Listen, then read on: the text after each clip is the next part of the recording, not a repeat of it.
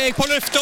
Mikrofon og alt har gått til balalaika. Da er det Balalaika med Alf Henden i studio igjen, og vi ser på historiske hendelser i uke 11. Og jeg begynner med en fødsel i 1919, og det er ikke Janet 19. Å nei! Nei, Nat King Cole, amerikansk sanger, pianist og skuespiller. Eh, ja, Kjente sanger fra 1950-tallet, Mona Lisa og Unforgettable. Uh, Sistnevnte fikk vi òg som duett med dattera Natalie Cole da, i en eh, digitalmikst versjon i 1991, Ja. og resultatet ble bokstavelig talt Unforgettable. Ja, det var veldig Det var veldig nydelig, altså. Ja, ja, ja.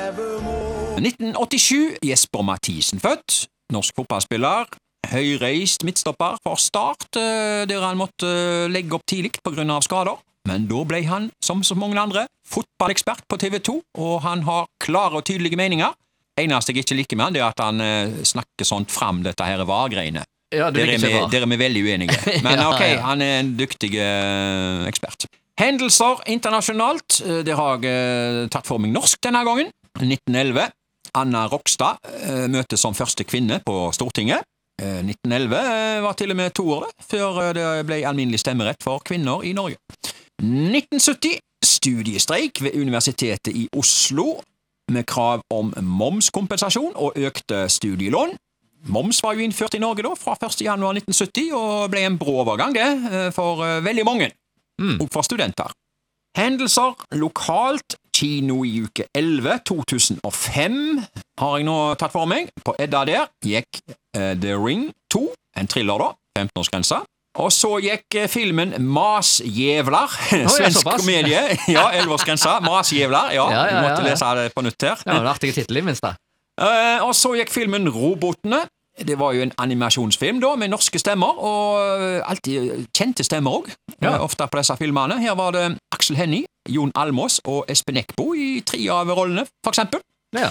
Og så gikk det en tysk film for 15-årsgrensa som heter Mot veggen. Og så en romantisk komedie som heter Hitch. Og så var det en norsk psykologisk thriller som eh, like godt var satt opp til 18-årsgrensa. Den heter Naboer. Den husker jeg var litt, eh, den var litt uh, skummel, altså. Det var altså Kinimenyen i 2005. Og så går vi tilbake til 1936. En reportasje i Haugesunds Dagblad om paraplyer. Jeg siterer Paraplyen gir ikke levebrød i Haugesund. Den siste paraplymaker, Lunde, på Skansen, oppgir Haugesund for å forsøke seg i Stavanger. Ja, det har saktens alltid vært bruk for paraplyer i Haugesund, men uh, paraplymakere det forsvant altså tidlig ut av eh, markedet. Men denne nevnte Lunde han holdt faktisk eh, stand han til ut på 70-tallet, for jeg husker den butikken. Jeg. Den, lå oh, ja. på, den lå på Bytunet. Og han, hadde, han var paraplymaker. Han var paraplymaker, og eh, det var faktisk, ja, det var jo på 70-tallet, så han har nok ikke gitt seg i 1936, altså. Han har nok kommet tilbake her og fullført eh, i Haugesund nå. Ja. Paraplymakere, de, eh, hva, de, altså, de reparerte jo den gamle paraplyen din, og ofte var det jo folk med paraplyer som stadig vrengte seg, da, som oppsøkte paraplymakeren, for det var et mareritt. Paraplyen vrengte seg. ja. Ja, og du hadde ikke lyst til å kaste de heller, for folk tok jo vare på paraplyen i gamle dager som om det var lommeboka. Ja, nettopp. Ja, de gjorde det. Men det, ja, folk tok vel vare på alt de eide på en helt annen måte den Ja, gangen. ja. I dag er det mer bruk og kast. Ja da, og, eh, og de ville ha det reparert så sant det lot seg gjøre. Og ok, Hvis det var tolv spiler som var ødelagt, så Ja. ga vel folk opp, sikkert. Men uh, Kjøpe mobiltelefon til 10 000-15 000, og så to år senere så skal du kjøpe en ny, så bare hiver du den gamle eller hiver den i skuffen. Det er jo egentlig ganske betegnende på forbrukssamfunnet. Men apropos uh, paraplyer, i dag har vi jo låneparaplyer i sentrum. De er veldig Ja, populære. genialt. 1953, Husmorfilmen. Haugesunds Avis skrev Cirka 700 Haugesundsmødre og andre interesserte fikk i går se den første norske filmen om rasjonalisering av husmorarbeidet. Slik kan det gjøres, som da eh, filmen heter, som var satt opp i festiviteten.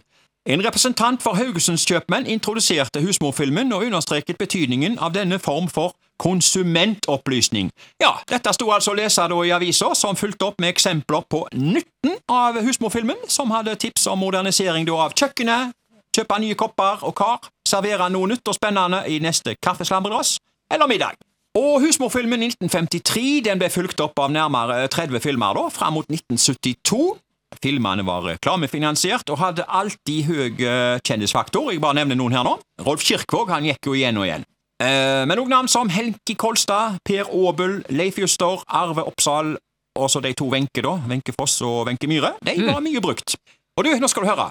Under husmorfilmen i 1964 Husmorfilmen, faktisk. Ja, ja, ja, det var en del av det. Ja. Under husmorfilmen i 1964 så var det så store trengsel av husmødre som ville se filmen, at det brøt ut slagsmål mellom husmødrene. Ja, det gjorde det!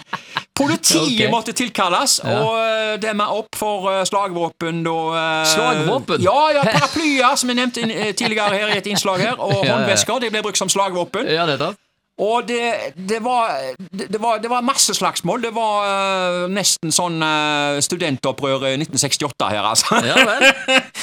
Og uh, dette her kan du faktisk lese mer om i artikkel da fra uh, Tor Inge Vommedal i boka om nærbutikkene på Haugalandet 2, Nettopp. som jeg tilfeldigvis har vært med og, Og skrevet. skrevet. Så den kan du litt om. det. Ja, ja, ja. Så Og så dere skrevet om husmorfilmer. Ja, det, det, det gikk uh, tøft for seg, spesielt da i 1964. at, eh, 1964. vi, godt at vi ikke tok opp akkurat eh, dette temaet på kvinnedagen 8. mars. Ja, ikke sant? Ja da, ja da, ja. Ja. Og nå tenker jeg du har noe å spørre om her. Ja, altså, jeg, Det er egentlig bare en én ting å spørre om her nå. Altså, nå har det nettopp vært kvinnedag her, så du må bare spørre Husmorfilmer! Hot or Ja, det var jo virkelig en hot.